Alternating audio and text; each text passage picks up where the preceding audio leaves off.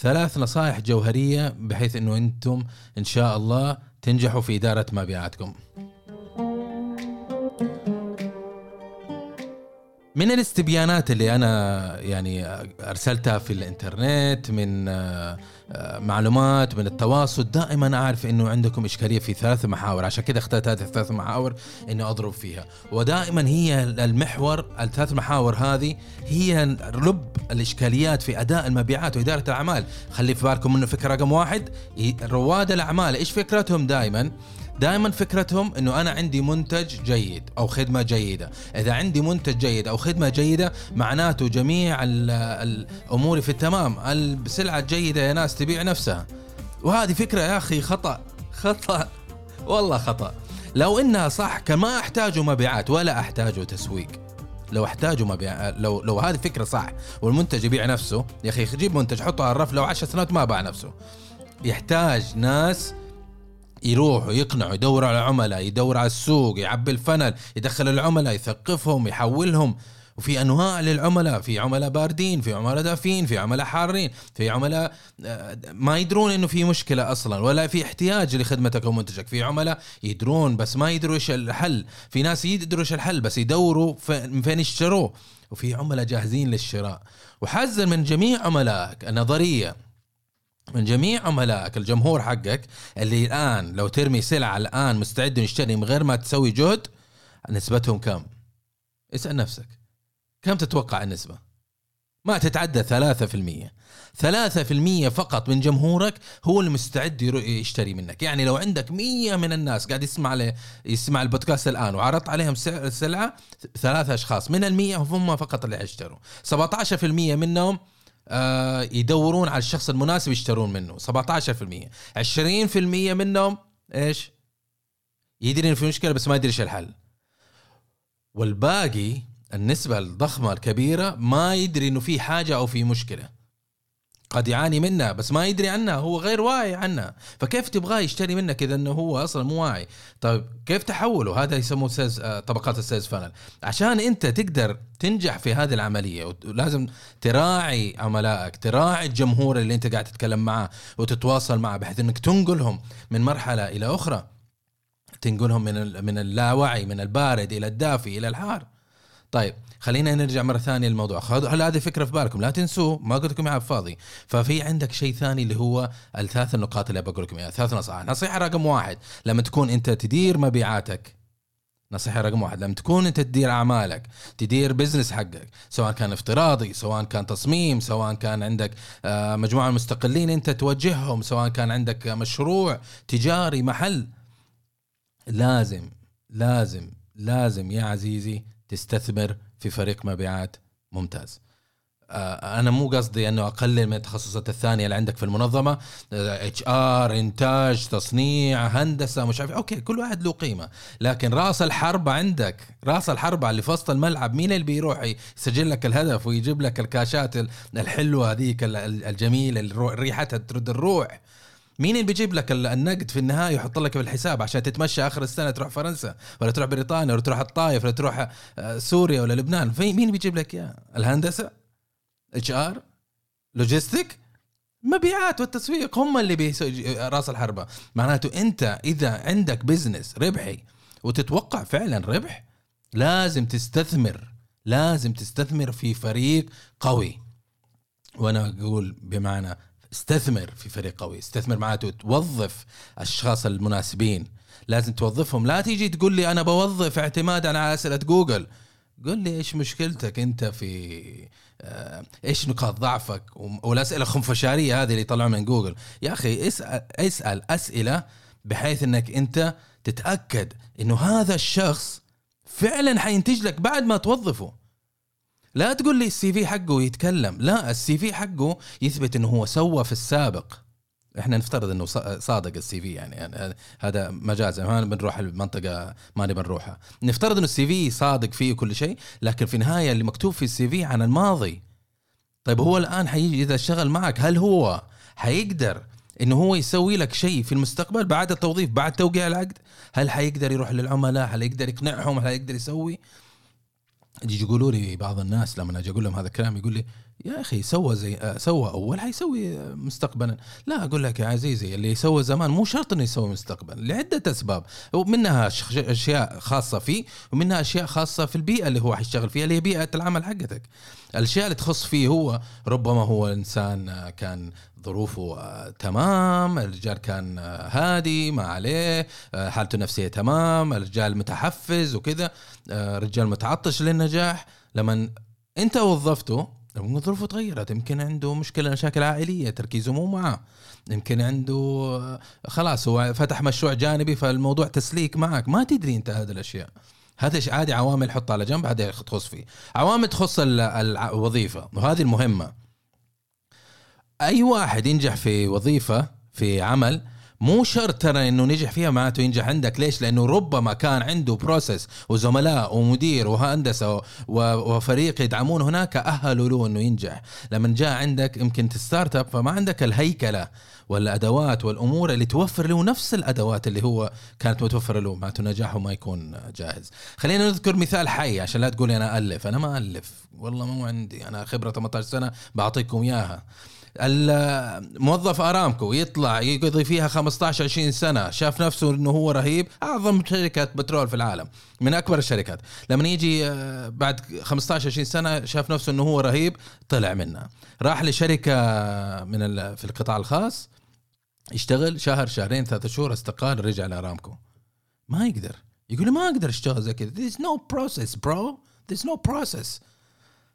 طبعا لأنه هو ناجح هناك لأنه متوفر له النظام متوفر له آه، الأدوات متوفر له الهيكلة ال- التحفيز البرامج التدريب كل الهيكلة اللي في اللي في المنظمة اللي كان شغال فيها متوفرت له. لما أنت توظف هذا الشخص عندك هل أنت حتوفر له كل الأدوات اللي أهلت له إنه ينجح؟ ربما الأرجح لا. الأرجح لا. طيب هذه النصيحة رقم واحد. وظف صح. وفيها برضو خليني نقفز للمرحلة الأخيرة من حياة ال- الموظف. افصل صح. أوف أنور أنت تباني أوظف وأفصل في نفس الوقت قلت لك. إيه؟ ما في شيء اسمه موظف يقعد عندك بال20 30 سنة. ما إحنا زمن جداننا إحنا. زمان انتهت الحين الدنيا ديناميكية الدنيا تتغير التحديات تتغير. انت لازم تحتم عليك انك تقول كل سنة أسوي تسرب وظيفي بنسبه سين من هذا على حسب حجم الوظيفة على حسب قطاعك ما بأجزم لكن لازم تحط في بالك إنه صحيا لازم تعمل فريش تعمل ريفرش أما مسألة إنك أنت تقعد تسوي تبني للناس وتقعدهم عندك ويقعدوا عندك بالعشرة 15 سنة على أساس إنه تحت مظلة الولاء. ولاء إيش يا عمي؟ يا عمي لو هو في خير أصلا كان لقى وظيفة ثانية أفضل من اللي عندك. بس ما حد راضي ياخذه. ما حد راضي ياخذه قاعد لك عاجبه الوضع مسيطر. لما انت الموظف قاعد عندك عشر سنوات خلاص هو يحس بالطمأنينة هذه منطقة الراحة حقته. كيف تتوقع إنه ينمو؟ وإذا إنه الموظف ما, ما هو في باله إنه ينمو ولا حينمو أجل كيف أنت حتتوقع إنه ين- ينمي أعمالك؟ معناته أنت أعمالك حتبقى مف- مفلطحة. هوريزونتال كذا للأفق. إذا كانت للافق معناته أنت قاعد تنزل فعليا أنت مو أفق. أنت مو قاعد تحمي نفسك إنك أنت لا أنت خسران ولا ربحان لا أنت إنسان قاعد تخسر. ليش؟ لأنه في شيء اسمه تضخم. العملة تنزل قيمتها كل سنة. معناته إيش؟ معناته العملة اللي أنت اليوم قاعد تكسبها تكسب 5 مليون بكرة آه، السنة الجاية حتكون أقل. ما هي 5 مليون حتكون 4 مليون 900 السنة اللي بعدها ال- ال 4 مليون 900 حتصير 4 مليون و700 وهلم جر هذا غير إذا كان في عوامل أخرى تسبب العملة تنزل هذا والدول الجوار إحنا نشوفها يعني الله يقويهم ويعطيهم العافية ويرجع عليهم الأمن والأمان. يوم من الأيام كانت عملتهم ايا كانت العملة سين آه، بمبلغ الفلاني فجأة صار يروح يشتري لك طبق بيض بخمسين ألف من عملتهم. ما في هذه هذه الظروف. فإذا أنت ما خططت لنمو أعمالك بطريقة صحيحة ما ما حتكبر واهم شيء أهم شيء إنك أنت لما تبي تنمي أعمالك وتقويها تستثمر في في فريق العمل وتركز إنك أنت تفلتر. التوظيف يكون مبني على السيرة الذاتية يتأهل إنه يجلس على الطاولة لما تجلس معاه تتأكد إنه هو عنده الذكاء العاطفي اللي يحتاجه. الذكاء العاطفي ليش؟ لأنه هذا السلاح المهارة رقم واحد اللي يحتاجها مبيعات. أنا ما بقول لكم ذكاء عاطفي عشان ابى أكشخ تنظير وخرابيط. لا أنا بقول لكم ال- اللي يحتاج الذكاء العاطفي لأن الذكاء العاطفي هو المهارة رقم واحد. وأقول لكم ترى 80% من اللي يشتغلوا في المبيعات اليوم والله لا ذكاء عاطفي ولا ولا معاه شيء. ولا هو داري فين الله حاطه. يروح عند العميل كرجل آلي أنا عندي عندي عندي عندي اشتري اشتري اشتري اشتري اشتري اشتري. وأنت صلى الله وبارك. وهذه هي اللي عنده. طيب كيف يا أخي أنت كيف تبني علاقة و rapport ومش عارف إيش وثقة ويبني business مستدام؟ ما هي business مستدام. هذا الشخص اللي متحجر لما يجي يتعامل مع عميل ترى هي يرجى صفقة. إذا قدر إنه يقفلها كان بها. الله يرحمه رزق حلمي. زميل وعزيز علينا الله يرحمه توفى في في أظن في 2015 من من أكثر الناس يا أخي اللي أثر علي في في المبيعات. الرجل يعني بسيط بسيط بسيط من ال من ال من الأردن. الرجل هذا ملهم. رحت معاه أنا رحت كنت شغال في منظمة ورحت معاه في اجتماع أنا كنت رئيسه. فبس هو أكبر مني عمرا وأكثر مني خبرة بس أنا رئيسه. فرحت معاه اجتماع. لما رحنا الاجتماع وقعدنا عند العميل العميل بيقول له يعني بيت يسحبوا كلام الحديث وزي كذا وكيف حالك وما أدري إيش وإيش احتياجك وكم منتج ومش عارف إيش. فالرجال حط طلب طلب كابل كان يشتري كا- كابلات وأسلاك. فحط طلب تقريبا آه، حول ال 800 ألف أو 900 ألف ريال سعودي. حتى الطلب آه، 800 ألف طلب سعودي ترى من تاجر. إحنا ما بنتكلم على شركة سابك ولا أرامكو نتكلم على التاجر فالتاجر حط لك 800 ألف. ببساطة جاء قال له طيب زودها. قال له التاجر قال له كم تزود كم أزود لك إياها؟ قال له خليها مليون ونص. عندنا ال target حقنا نازل ونبغى نرفع. سكت كذا التاجر ثواني قال له خلاص وش وقع له؟ الطلبية. أنا خبطت رأسي يا أخي 800 ألف على جلسة الطاولة. وتيجي كمان يقول له اسحق زود لي مو عشان احتياجه عشان عشان إحنا عندنا target كده بالشفافية يتكلم معاه. بقمة الشفافية. خرجنا مسكته من من من من من ملابسه قلت له أبو حلمي يرحم أهلك إيش الهرجة؟ كيف أنت كذا؟ قال لي هذه علاقة سنوات يا انور علاقة سنوات مو يوم وليلة. يوم من الأيام ارتفع سعر الكيابل وتورط هو. جاني اشت- أنا بعت له نفس السلعة بنفس السعر قبل الأزمة. كان في أزمة نحاس أو شيء زي كذا في العالم فارتفع السعر. كل التجار كل المصانع رفعوا الأسعار ما عدا إحنا ما رفعنا عليه. وبعت له وحافظت على على علاقتنا. والأزمة ما طولت حتى أسابيع لكن علاقتي دامت الآن معاه عشر سنوات. عرفتوا كيف؟ ها. لو ما عنده ذكاء عاطفي الله يرحمه أبو حلمي كان ما حس بالعميل ولا حط نفسه في مكان ولا اخذه بالاعتبار قال له يا عمي هذه فرصة العمر 300% الأسعار قام زادت أنا ببيع لك إياها بهذا السعر عجبك عجبك ما عجبك زيك زي غيرك روح اشتري مع الثاني. هذا أيهم أنت تبغى؟ تبغى تبغى أبو ذكاء عاطفي أبو حلمي ولا شخص ما عنده ذكاء عاطفي؟ هذا هو. هذا هو. لما تبي تنمي أعمالك وأنت يا مدير يا صاحب الأعمال يا صاحب البزنس وحتى لو أنت مستقل لما تتعامل مع عميل أنت مصمم نفرض أو كاتب كاتب محتوى لما تتعامل مع عميل حط نفسك في مكانه يا أخي. لا أجي أنا أدخل في في تويتر يا أخي أشياء مخزية. أنت قاعد تسترزق من تويتر. والعملاء حقونك هم اللي بي- بيعطوك فلوس عشان عشان افترض إنك أنت تنمي نفسك أو تعيش أو ايا كان.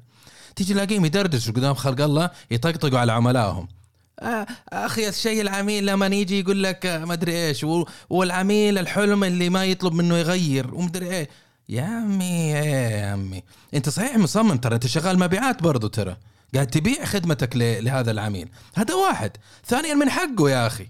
إذا أنت أبله وما أنت قادر حتى إنك تحط اتفاقية بينك وبين عميلك بحيث إنه يحدد العلاقة التعاقدية والعمل. وإيش ال scope of work إيش وصف العمل؟ معلش اتحمل ما هو العميل مو الخطأ. أنت أنت الغلطان. سواء كنت مصمم سواء كان كاتب محتوى سواء مصمم جرافيكس ولا ولا إيه، تشتغل في شركة ولا تبيع توربينات ما يهمني. إذا أنت ما تحط عقد هيحدد العلاقة بينك وبين عميلك فتحمل على رأسك يا عمي. أنا إيش أسوي لك؟ تحمل راسك. العميل ترى في النهاية عنده مصلحة يبي يحققها. مو هدفه إنه هو يسرق وقتك أو يسرق منتجك أو أو ياخ يعني يضحك عليك أو يغشك. مو هدفه. الرجال حاله في حال نفسه أوكي؟ وأنت جيت أقنعته بالخدمة والمنتج وهو قاعد يحاول إنه يطلع منك اللي هو على حسب توقعاته. إذا أنت ما أنت تبغاه ما تعرف أنت كيف كيف كيف تتعامل مع العميل مو مشكلته العميل. فانت لازم تحط نفسك في مكان العميل. يجيك يقول لك آه، العميل آه، ما يعرف إيش يبغى. طبعا ما يعرف إيش يبغى إيش عرفه هو؟ هو مصمم هو؟ هو عنده فكرة يبغى كتاب معين شافه عند أخوه شافه عند زميله شافه عند شركة منافسة ويبغى زيها. بس. معناته أنت لازم تفهم إيش إيش يبغى هو إيش اللي في راسه. ما حيعرف يعبر. أوكي؟ هذه العاطفة خلينا ما نبغى ندخل فيها آه بعمق أكثر لكن أتمنى أوصلت الفكرة إنك أنت لما تتعامل مع عميلك لازم تكون آه في تعاطف تضع نفسك في مكانه تفهم المشكلة. قبل فترة جيت قلت أنا يا ناس آه لما عشان تنمي أعمالك تنمي البزنس الخاص فيك لازم لازم لازم تفهم العميل ولما تتخاطب معه تتخاطب معه بلغة القيمة بلغة القيمة. مو تتكلم على منتج طز في المنتج. مين يهتم في المنتج؟ أنا ما أشتري شيء عشان المنتج أنا أهتم أنا أشتري الشيء عشان الفائدة اللي تيجي وراه وجوني ناس ينتقدوا كيف هذا الكلام يا أخي؟ أنا ما في عميل يشتري قيمة الناس يشترون المنتج. يا عمي روح اقرأ روح اقرأ واقضي سنوات اتعلم وهذا وبعدين تعال تعال افهم. لأن أنا نفسي أنا سنوات ضيعتها من عمري وأنا أنا فاهم غلط. وما وما ما مشيت الأمور صح إلا لما فهمتها صح. إنه أنا لما أتكلم مع العميل أتكلم معاه بالقيمة. يا فلان إيش مشكلتك؟ إيش التحديات اللي عندكم؟ والله يا رجال عندنا الإنتاج كذا كذا كذا كذا ومنخفض وما إحنا عارفين إيش نسوي، طيب ليش منخفضة؟ إيش السبب؟ والله عشان الأكسجين مثلا غاز الأكسجين اللي مورد اللي جبنا إياه أو النيتروجين ولا ولا الكيابل ولا التوربينات ولا الزيت ولا إيش المنتج المورد متأخر وما إيش. أوه طيب ممكن إنه إيش رأيك نتناقش في الموضوع نفهم أكثر وأفهم كيف ممكن أساعدك؟ هنا أنت بتحاول تفهم المشكلة. ولما تحط عرضك السعري دائما نتكلم بالفائدة إنه أنا ما في ما في downtime ما في وقت خسارة ما في آه، شوشره على انتاج ما في ضغط نفسي ما في خوف ما في هذه القيمه من التعامل معي. وإذا أنت تكلمت لغة القيمة عظمت القيمة حتقدر إيش؟ تقدر تعظم السعر. متى تصير البيع؟ لما انت تعظم القيمة وتصير أكثر من السعر البيع. كذا تصير البيع. بس لما ما تسوي هذا الشيء وتقول لي والله بعطيك كتاب PDF ابعطيك كتاب PDF ب 400 ريال. والله أنا أشوف تهاويل يا أخي في هذه الدنيا. كتاب ميح. كتاب ب 450 ريال عارض لي كلها ما أدري كم صفحة وخرابيط وما مسوي لي ترجمة من من من من من مقالات إنجليزي ومترجم لي إياها حاططها في PDF ويبيع لك 450 يقول لك ليش ما تبي تشتري 450 ما أشتري لك 450 ما فيها قيمة. ما تسوى اني أشتريها. لما تيجي تقول لي آيفون ب 6000 أقول لك لا ما بشتري آيفون ب 6000 ليش ما بتبي تشتري 6000 ما ما في قيمة. ما إيش أستفيد أنا من 6000 6000 عندي قيمتها أكبر من الفائده أشتري بها آيفون. طبعا في ناس يشوفون إنه 6000 أقل من القيمة وإنه لا الفائده من آيفون أكبر وهذا بس يختلف يعني. أنا من وجهة نظري إنه عمري ما حقتنع إنه أشتري أي حاجة ب 6000 شيء يدوي tool تليفون جوال ولا whatever شيء ب 6000 ليه يا عمي؟ أتعب على على الفلوس. فلما تيجي تتكلم مع عميل دائما عظم القيمة الفائده اللي يستفيد منها العميل خليها أعظم من السعر. وكذا حتصير البيع. طيب هذه تكلمنا عن المحور الأول. المحور الثاني إيش هو؟ خلينا ناخذ بريك صغير ونرجع لكم.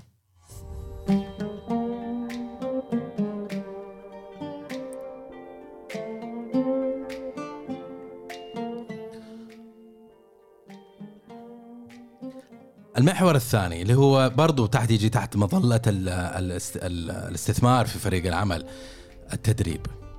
حذروا إيش أكثر قسم في أي منظمة؟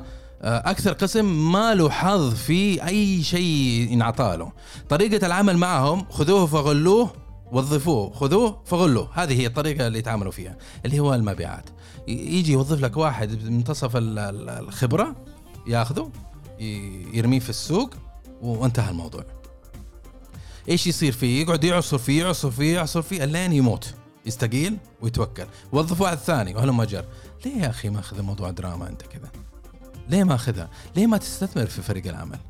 استثمر فيه استثمر في الجيد. شوف الإنسان الكويس فيه اللي فيه بوتنشل اللي فيه دافع فرص أو احتمالية إنه هو يكون معاك ويستثمر من وقته ووقت وقته مع عائلته وصحته وسنوات عمره استثمر فيه. هذا الشخص اللي تخليه معاك لسنوات مو تخليه الواحد اللي لابس لك كرفتة ومظبط اموره وضحك ومش عارف إيش وحكوات ويقرقر لك على راسك ويضحك عليك. لا وظف الشخص المناسب وهذا اللي تستثمر فيه. استثمر فيه علمه كيف يتفاوض علمه كيف آه، يتناقش علمه كيف يسعر كيف يأهل كيف ينقب كيف يقفل التكفيل. التكفيل. الشغل كاستشاري أنا مع المنظمات. أنت تتفاجئوا. إنه قليل قليل قليل. يمكن 90% من المبيعات ما يعرف يقفل. ما يعرف يقفل. يعرف يتكلم يروح إحنا عندنا وإحنا عندنا منتج وإحنا هذا تسعير خذ التسعير. ويعرف يسوي فلوب نقول أوكي ما يعرف ياهل طبعا. اللي ما يعرف يقفل ما يعرف ياهل ولما يجي للتكفيل ما يعرف يقفلها تبقى عايمة. اشتغلت في منظمه مبيعاتها كانت في في في نزول. لما اشتغلت معهم اكتشفت انه إحنا بنسعر نسعر نسعر لكن الفنل صاير يعني الفنل حق التسويق صاير دب من تحت. قبل الأغلاق صاير شيء تضخم كذا شيء كبير. فلما جيت حللت رحت لواحد من الأشخاص اكتشفت إنه هذا الشخص مثلا فلان عنده نسبة كبيرة من التسعيرات ما بتتحول إلى مبيعات. فبروح اجلس معه يقول لي والله ما أدري أقدم تسعير لكن ما يردوا العوادم ما يتكلم ما يفا ما يرد علي بعد ما سعر خلاص يختفي. فلما رحت مع اجتماع طلبت منه أروح معاه في واحدة من الاجتماعات أو اثنين أو ثلاثة فرحت معاه واكتشفت إنه الآدمي آه، يعني ماني عارف ال mode اللي هو بياخذه ما هو mode تكفيل ال mode زي mode رايح يطلب زكاة. فكيف حالك؟ طال عمرك؟ ما أدري إيش إيش صار في التسعيرة؟ متى تطلب؟ متى تشتري هذا مو ما عاد بيشتري منك يا أخي أنت أتقزز منك أنا بالطريقة هذه. انت تيجي بقوة أنا انت جيتني بقوة اقنعتني بقوة اخذ بقوة قدمت السعر. واصلا ما تقدم السعر أنت متأكد انه العميل 100% ما أعطي تسعير. سعر تسعيرتي مقدسه عزيزه علي أنا. ما أعطي تسعيرتي لاي كله هب ودب. لكن لما أشتغل مع الشخص لما يكون الإنسان آه باين ومؤهل وكل شيء تمام وعلامات أوكي أعطيه التسعيره ومع التزام جزئي إنه هو متى حيشتري. بكرة أتابع معك متى الأمر الشراء جاي. إيش اللون اللي تبغاه؟ إيش الصفقات إيش المواصفات اللي تحتاجها. هذه هي الكلام. هذا الكلام. لما تيجي تتعامل مع عملائك مع الإجراءات في السوق مع مع الإشكاليات والتحديات اللي تواجهها في في هذا هذه الطريقة الصحيحة ولا ما لها أي حل ثاني. عرفتوا؟ لكن أما تقدم تسعيرة ثم على أمل إن الأمور تتسهل آه، يعني صعيبة على قول أهل الجزائر صعيبة. ما ما تقدر ما ما تمشي الأمور بإنك أنت تمشيها على البركة وعلى التساهيل وتتأمل إنه إنه العملاء إن شاء الله حيشتروا بعد ما تقدم التسعير. ف استثمر في في فريق العمل استثمر استثمر استثمر. وثم للأفراد لزملائي في المبيعات ونجوم ونجمات المبيعات أجي أقول لهم يا أعزائي إذا صاحب العمل ما بيستثمر مو معناته إنك تبقى جاهل طول عمرك. يا أخي استثمر في نفسك. تستاهل ترى أنت.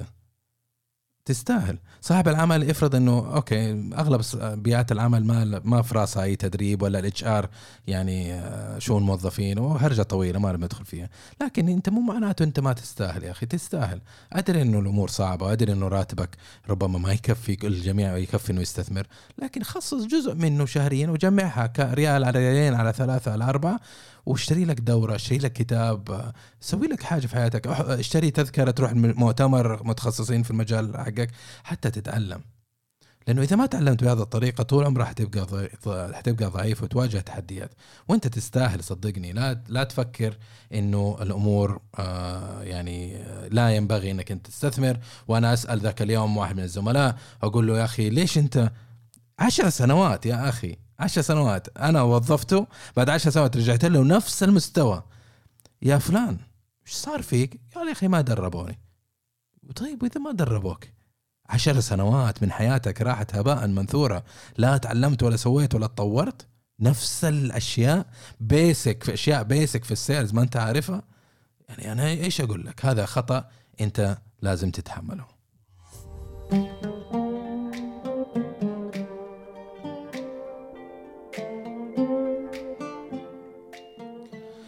النصيحة الثالثة اللي حاب أشاركها معاكم في موضوع اليوم اللي هو ها؟ نسيت. والله نسيت. الا الا أوكي. النصيحة الثالثة اللي هي تكون عن آه لا تدير فريق المبيعات بالمهام. ديرهم بمعايير قياس. هذه فلسفة صعبة. خلينا نبسطها وناخذها بالعامي. أكثر الناس اللي يديروا أبو عرب إيش يسوي لما يديروا؟ يديروا بالمهام. تعال يا فلان سوي هذا أرسل هذا الشغلة أرسل مش عارف إيش. يا أخي أنت أنت أنت إنسان. يعني انت بتدير فلان وتدير علان ولا تشوف المشكلة الفلانية و troubleshooting وتقابل عملاء؟ okay عارف إنك أنت ذكي ومخ وكل شيء لكن ترى لازم تفوض. جزء من الإدارة والقيادة إنك أنت تتعلم كيف تفوض. تخلي الجيل الثاني يتولى مهامه اللي هو مدفوع له راتب إنه يسويه. لأنه إذا ما سويت هذا الشيء وتديرهم بال micromanagement إيش بيصير؟ هذا فريق العمل آه، أنت بتأهله إنه يكون دمية لا قيمة له ولا ناقة له فيها ولا جمل ولا يعرف أي شيء اللي بكره النهار أنت سافرت ورحت إجازة ما حتقدر تتهنى أو أو ما حتقدر تتركهم ليش؟ لأنهم هم متعودين ينتظروا ياخذوا الأوامر من حضرتك أو أحد يعطيهم أوامر ما تفرق يعني أنت ولا من غيرك. ينتظروا ياخذوا أوامر ما, ما تعلموا إنه هم يحللوا troubleshooting وياخذوا ال initiative إنه ياخذوا الخطوة الأولى بإنه يحاول حل إيجاد المشكلة وهذه هذه مشكلة جسيمة في الإدارة يعني غالبا في النظام العربي. أنا من بين عشرة رؤساء مروا علي ما أعترف إنه في مدراء يعني مدير مدير بمعنى المدير إنه يفوض ويخليني أعطيني مساحة إنه أنا أشتغل واحد. واحد من بينهم واحد من أصل عشرة. يعني عشرة في المية من المدراء على حسب تجربتي أنا في المية من المدراء اللي مروا علي آه يعني آه لا يديروا بنفسهم micromanagement وكذا لكن 10% فقط اللي هو واحد هو اللي كان يفوض. فلازم إحنا ننتبه لهذه النقطة النقطة اللي بقول عليها إنه لما تيجي تدير لا تدير بالمهام حتتعب وفريق المبيعات بالذات مو زي الشؤون الاداريه ولا زي ال HR ولا زي الانتاج لا هذول شياطين شوي المبيعات فشطار إنهم يلفوا ويدوروا بي والله يتعبوك إذا إنك أنت بتتابعهم بالمهام. ولا تسوي فيها ذكي لأنه ما صدقني إنه هم بي بي بيغفلوك من هنا ولا من هنا. لكن إذا تبى تديرهم بالطريقة الصح خليهم أعطيهم أهداف يحققوها. أهداف ذكية أهداف معقولة. بمعنى SMART وما نبي نتطرق في موضوع موضوع SMART فروح انت تسوي Google search ويبحث عن موضوع إيش يعني آه يعني معايير قياس ذكية وحدد لهم اياه قول لهم أنا أبغى تسوي لي معايير قياس ألف معايير قياس باء معايير قياس جيم. أحد الأمثلة المعايير القياس الذكية تقول إنه أباك اسبوعيا آه، أو عفوا أباك يوميا خمسة مرات في الأسبوع تقابل خمسة عملاء جدد. مثال آخر أباك تقا... تشوف إن الحسابات اللي خسرناها في الماضي وتسترجع منها ما يولد آه، عائد مالية بقيمة سين من الفلوس. هذه KPIs يجيك واحد من دقة قديمة يقول لك يا آه، آه، لا المبيعات عندهم هدف واحد إحنا ما نحب هذه الفلسفة الكثيرة. المبيعات هدفهم إيش؟ هدفهم إنه يسووا مبيعات. فهدفك أنت لهذا السنة تسوي خمسة مليون مبيعات. مو هدف يا أخي. هذا هذا شيء النتيجة النتيجة. الهدف هي الأهداف المستهدفات الأشياء اللي هو عليه يسويها عشان يوصل للنتيجة ل 5 مليون. ثم أنت لما تيجي تقول لي 5 مليون ببداية السنة وعلى أمل إنه أنا أبقى محفز 12 شهر يا أخي ما في احتمال كبير ترى إنه ما تصير لأنه هدف بعيد. وكيف تعيد تقيس أدائها؟ ولازم تسوي micromanagement عشان تدير عليها لأنه ما عندك شيء ثاني. لا حدد له خمسة معايير قياس. هذه الأمور الخمسة تس إذا سواها معناته 99% حيحقق الهدف. هذه هي الإدارة الذكية. ولازم تحطها في بالك إنه لا تدير الناس بالأعمال وبالمهام. لكن دير بمعايير القياس. خليني أقول لكم قصة صغيرة قبل ما نختم. خلاص أنا قلت الثلاث نصائح لكن خليني أقول لكم قصة بما يخص النصيحة رقم ثلاثة. 2020 دخلت على منظمة في منطقة الجبيل في في المملكة العربية السعودية. والمنظمه اشتغلت فيها في السابق لكن اتورطوا هم في ال 2020 وتقفل وما هم عارفين يسووا واستقال مدير المبيعات حقهم. فكلموني قالوا يا أنور نحتاجك تشتغل معنا الفترة. فقلت لهم خلاص أنا أنا بجيكم إن شاء الله. وبدأت معهم في جولاي أظن جولاي 2020 لما بدأت معهم في July 2020 دخلت على الأرقام وحللتها لمده 10 سنوات الماضية. عشان عشان أشوف أدائهم أشوف الصفقات أشوف الحسابات اللي خسروها. آه، مين عملائنا ال top 10 ال top 10 يكون بناء على نظرية يعني 20 80 معناته 20% من العملاء ككل هو اللي يحققوا لي 80% من من الاهداف البيعية. هذه هذول هم ال top 10 أسميهم أنا. ف وسويت التحاليل اللازمة وكل شيء لكن اكتشفت إنه في ضمور في ال business لعشر سنوات متتالية. معناته كل سنة في بتضمر ال business. كل سنة بتضمر ال business. والسبب اللي هم يعني مقتنعين فيه إنه يقول لك والله منافسين زادوا. أي نعم آه، السوق تغير. طيب أنا عارف هذه الأشياء. السوق ما حيقعد نفس العشر سنوات حيبقى نفس الظروف عشان أنت تستمتع بالأرباح. طيب أنت إيش سويت؟ هل زدت المبيعات؟ هل استثمرت فيهم؟ هل آه، جبت منتجات جديدة؟ توسعت في المنظمة أفقيا ولا عموديا؟ هذه الأمور كلها لازم تكون في استراتيجية عشان تأمن أنه هذه الخسارة ما تصير. لكن في 2020 طبعا صعب إنك أنت تغير في لمح البصر في يوم وليلة ما بقول لكم إنه أنا طرزان. لكن اللي سويناه إنه إحنا طبقنا آه إدارة والثلاث نصائح هذه أنا طبقتها فعلا في 2020 و21 برضه ف 2020 لما دخلت أنا كانوا محققين ربع آه، July 2020 كانوا محققين 50% من ال sales target. طيب؟ 50% وبالقوة جايبينها. طيب قفلنا ال 2020 الحمد لله بإنه حققنا ما جبنا ال target لكن جبنا ال break even معناته الشركة ما هي خسرانة ولا هي ناجحة. Is كان أوكي كانوا جدا جدا مبسوطين في 2020 فإيش كان أسوي النصائح الثلاثة. فوضت الفريق العمل. آه، فصلت واحد لأنه أداؤه كان جدا سيء وما حيتطور. وظفت واحد ثاني نار. نار هذا الشخص إنسان مو طبيعي مع إنه الشركة قاوموا وقالوا لا إحنا ما نبغى هذا نبغى الشخص الثاني. قلت لهم خلاص مسؤوليتكم أنتم. لا هي شركة أبوي ولا شركة جدي. فأنتوا تبي توظفوه؟ أنتوا تحملوا مسؤولية هذا. تبوني أنا أتحمل مسؤولية؟ أنا أوظف هذا الشخص وأفصلوني إذا ما طلع تمام. قالوا خلاص وظف اللي تبغى أنت المدير. فوظفته.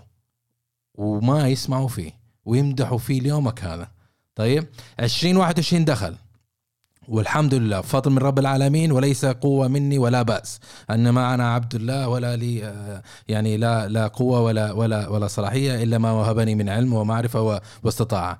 إنه إحنا الحمد لله قفلنا 21 شهر شهر January February March April May June July August September October November شهر 11 قفلناه كل شهر ب target وكل ربع قفلناه والزيادة أقل زيادة جبناه فوق ال target ب 5% باثنين موظفين وأنا. اثنين موظفين والأشياء اللي قلت لكم عليها اليوم. أنا فعليا بقول لكم حاجة أنا بس مؤمن فيها شيء لها نتيجة شيء آه، إذا سويتوه إن شاء الله النتيجة مردودة لكم. شهر 12 شهر 11 أنا طلعت من عندهم. شهر 12 ها؟ حققوا ال target شهر 12 شهر واحد بس ها؟ 11 شهر جبت. شهر واحد أنا ماني فيه ورجعوا رجعت حليمه لعاداتها القديمة. حققوا ال target تتوقع ولا لا؟ ما حققوا ال target والله ضحكت مو شماته لكن لكن أنا سعيد سعيد إنه أنا يعني طبقت حاجة بناء على إيمان بناء على معرفة وأثبت على أرض الواقع إنه هذا هو الطريق الصحيح. 11 شهر أنا بحقق target حسب الإدارة كانت مخولتني ومؤمنة فيه مع إنه هم جابوني أنا ما جبت جيتهم هم قالوا لي إحنا متورطين تعال ساعدني. وكل شهر لا ما نسوي زي كذا لا مش عارف إيش وكل شهر نجيب ال target أنا وفريقي نجيب قلت. ما بقول أنا أجيب نجيب التارجت كل شهر ثم يسكت ثم يرجع مرة ثانية ما هم مقتنعين لا اللي بيتدخلوا. يبي يديروا يبي هذا. بس الحمد لله. ف 11 شهر كان تمام وشهر واحد يعني ما توفقوا وأنا في منظمة جديدة الآن الحمد لله من من من نوفمبر. والشاهد إنه زي ما قلنا ثلاث نصائح عليكم بها واحد وظف صح وافصل صح. أوكي؟ هذا واحد. رقم اثنين استثمر في فريق العمل. ثلاثة ديرها بالطريقة الصحيحة إنك أنت تدير بالمهام ويعطيكم العافية. وهذا اللي كان عندي لقائنا هذا اليوم. آه في يعني جماعة جميلين وحلوين معنا في في المساحة تويتر. زي ما قلنا البودكاست بنسجله لكن فاتحين قناة على على تويتر. الأستاذ عماد الأستاذ عبد الرحمن والأخت special يعطيكم العافية. إذا عندكم أي استفسار قبل ما ننهي اللقاء بس ارفعوا اليد. إذا لا أعطوني غمزة عشان نقفل. أعطوني غمزة. خسارة. ما ما حد يبي يسأل يا جماعة. حبايبي يعطيكم العافية جميعا على على فضاء السبيس تويتر ويعطيكم العافية جمهوري. زي ما قلت لكم أنا من 2015 معكم على بودكاست جنبيات. نتكلم في المبيعات وفي تطوير الأعمال. معكم المدرب والاستشاري أنور جنبي ويعطيكم العافية. ولا تنسوا عندنا التليجرام وعندنا ال social media اعملوا لي follow up وإذا المحتوى عجبك لو 1% وحسيت إنه مفيد ويستاهل انشروا لثلاثة معارفك. بس. هذا الشيء اللي اطلبه منك إنك أنت تنشره لثلاث معارفك ويعطيكم العافية وإلى اللقاء الجاي إن شاء الله ونراكم على خير.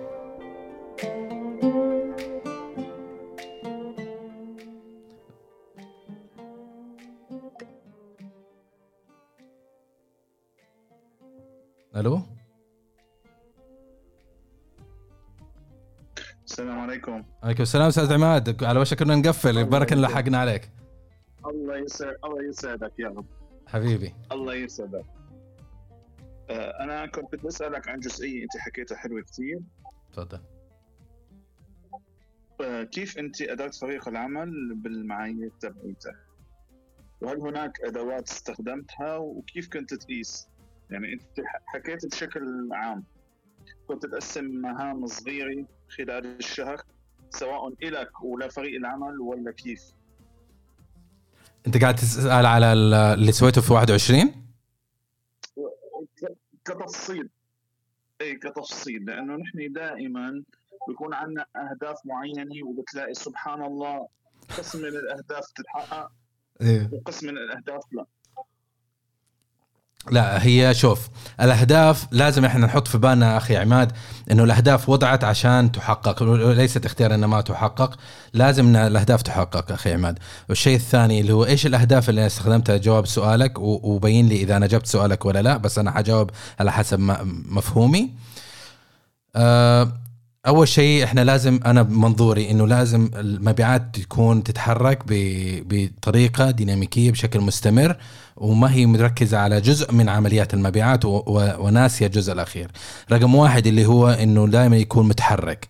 ما في شيء اسمه يجلس في المكتب ينتظر الاتصالات من العميل وكثير ترى هذه. لا تقول لي إنه ما في. إذا أنت عالمك إنه ما شاء الله شغالين ويروحوا ويجوا لكن أنا أقول لك إنه لا بالعكس في عدد كبير من اللي يشتغلوا في المبيعات للأسف جالسين في المكتب ينتظروا طلبات والتوصيل والاتصالات من العملاء. فلازم أتأكد إنهم يتحركوا؟ فأعطيهم أقول لهم أوكي كل يوم خمسة عملاء خمسة أيام في الأسبوع يوم واحد في الأسبوع أعطيهم إنه يقعدوا في المكتب لكن لازم تتحرك تروح قابل العملاء. لازم تروح وتجيبي تجيني بتقارير لكل لكل اجتماع. تقول لي قابلت فلان هذه الشغلات اللي تناقشنا عنها إيش الاكشن إيش النشاط اللي لازم أسوي فيه منه ومتى تاريخ لازم يتقفل هذا الاكشن. فكذا هو يصير ساعدته إنه مو مراقبة والله لكن أنا أبغاه هو يتعلم إنه يقيد على نفسه التزام. إنه خلاص أنا كتبته معناته خلاص هذا الشيء لازم يصير. ونتابع مع بعض في لقائنا الأسبوعي أسبوع واحد. الباب مفتوح 24 ساعة ليهم إنه يجوا يسألوني ويتكلموني ويطلبوني أروح اجتماعات زي ما يبغوا، لكن أنا أجتمع معهم مرة في الأسبوع ساعة أو ساعتين نجلس نقفل على نفسنا ونتكلم ب open minded، نتكلم عن إيش الاجتماعات، إيش النشاطات، إيش اللي صاير، إيش اللي حققناه، إيش ما حققناه، وإيش المفروض نسوي، إيش التحديات اللي جاية، عصف ذهني على السريع نقفل ونكمل حياتنا، فهذا بالنسبة نوع من ال KPIs KPI رقم اثنين إنه لازم تاكدنا انه الجمهور عفوا المبيعات يتحرك بعدد الزيارات رقم اثنين لازم نتاكد إنه الحركة هذه بجودة عالية بجودة مناسبة مو بس يقابل حي الله من من من جا وخرابيط. فلازم نتأكد إنه هو عنده عدد كمية مبيعات جيدة في ال pipeline معناته إنك أنت تقول له آه، أبو الشباب من التسعيرات اللي تقدمها أنت لازم 40% منها تتحول إلى أوامر شراء. لما تيجي تحسب هذا يسموه هيت ريت لما أنت تيجي تحسب تلاقي واحد مقدم 100 تسعيرة وواحد تسعيرة بس هي اللي تحولت معناته هذه مشكلة. أو مجملا إنه مثلا 5% من كل التسعيرات اللي أعطاها بس 5% هي اللي تحولت إلى أوامر شراء هذه مشكلة في عندك. أنت لازم تحلل هل طريقة التسعير خطأ؟ هل طريقة التواصل خطأ؟ هل إحنا بس بنسعر هل مجر وترى في عندنا كثير من المبيعات برضه للأسف يشتغلوا يطرزوا تسعيرات. كل أي واحد يتنفس أو يتحرك من العملاء أرسل له تسعيرة. وهذا الشيء لازم ننتبه عليه. تسعيرتنا ما تطلع إلا هي أنا ناوي إنه أجيبها كأمر شراء وهذا الشيء جدا مهم. آه إيش الت- تكلمنا عن الجودة؟ تكلمنا على تصحيح الماضي. لما إحنا نيجي نركز على عملاء جدد وركزنا على إنه نقفل فالهدف الثالث اللي أحب إنه أنا دائما أركز عليه اللي هو نبحث عن العملاء القدام اللي كنا نشتغل معهم. وكان علاقتنا كويسه فجاه وقف. أحب هذا الحساب. معناته هذا يعرفنا لكن زعلان. في شيء صار. أو واحد دخل علينا وأخذ مننا الحساب. وكذا وقفه فجأة. فهذا الحسابات اللي يسموه lost lost accounts فأنا أحب أجمعها هذول وأروح أزورهم أضغط عليهم بحيث اوفر لهم KPIs معينة ونروح نقابلهم نمدد العون وعاده يجي يقول لك أنت كلمتك شهر فلاني لكن ما رديت علي وأنا لقيت مورد ثاني. أو مورد آه، منافسك جاني وعرض علي بأقل من سعرك ب 10% فتطلع شغلات زي كذا. بس هذه الحسابات حقتي. ما هي حقت هذا الثاني ما هي حقت منافسية. وأنا يعني أعمل جاهد إنه هذه حسابات لازم ترجع لي مرة ثانية. يعني ما ما في فائده إنه أجيب حسابات جديدة حسابات قديمة ما أنا قادر أدافع عنها في وجهة نظري. فلما أجي أتكلم أقول لفريقي من آه، في أكثر من طريقة ممكن تعبر عنها تيجي تقول له 10% من ال sales target حقك لازم يكون من الحسابات ال- الخسرانة القديمة. هذا نوع من هذا. في نوع ثاني يجي أقول لك لازم تجيب لي. من الحسابات القديمة شيء آه، يعني آه، حسابات الخسرانه أو ال lost accounts مما يعادل دخل المبيعات لا يقل عن واحد مليون في الشهر مثلا يعني عرفت كيف؟ ففي هذا بس المهم إنك أنت تصيغها بطريقة ابتكارية بحيث إنك أنت تبقي الفريق دائما يطالع الحسابات الخسرانه أيضا بحيث إنه ما ينسى. أخي عماد ما أدري إذا جاوبت سؤالك ولا لا.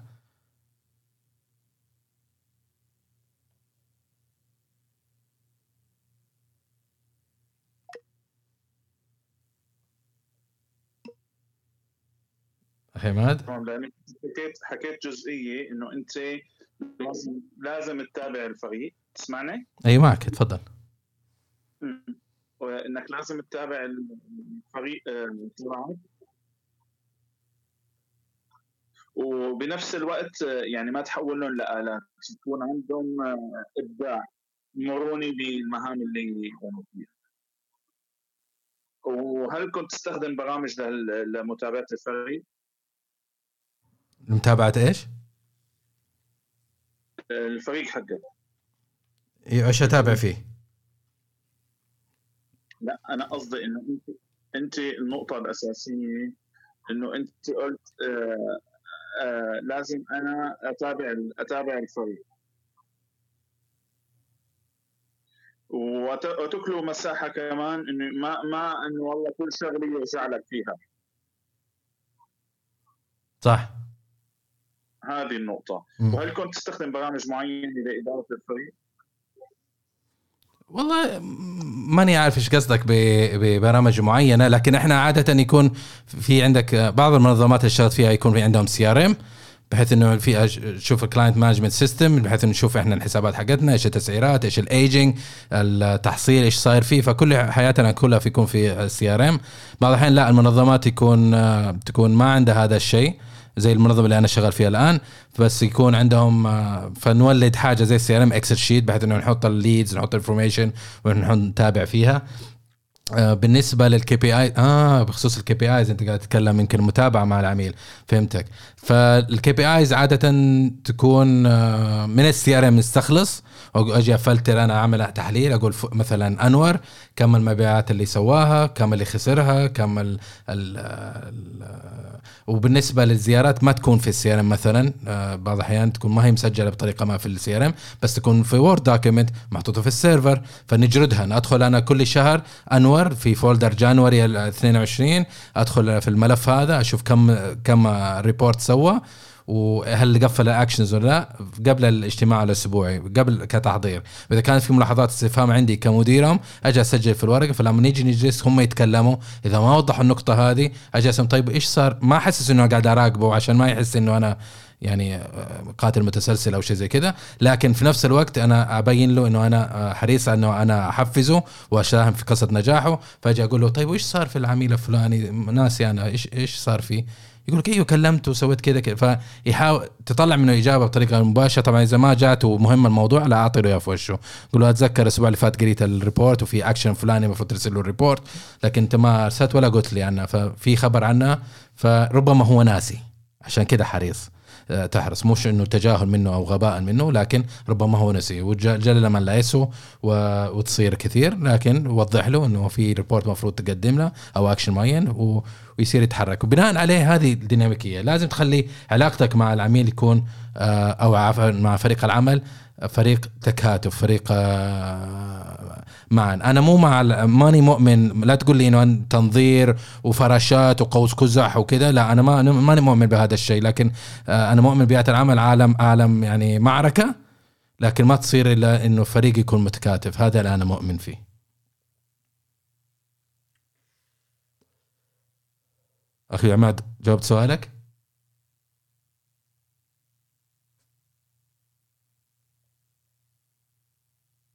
عماد أنت محطوط ميوت ترى. تمام تمام أستاذ زاد كرسي تمام. ما ما عندك شيء ثاني؟ طيب خلاص. آه، في أحد عنده سؤال آخر اللي عنده بس يعطينا خبر ولا نربط الحلقة؟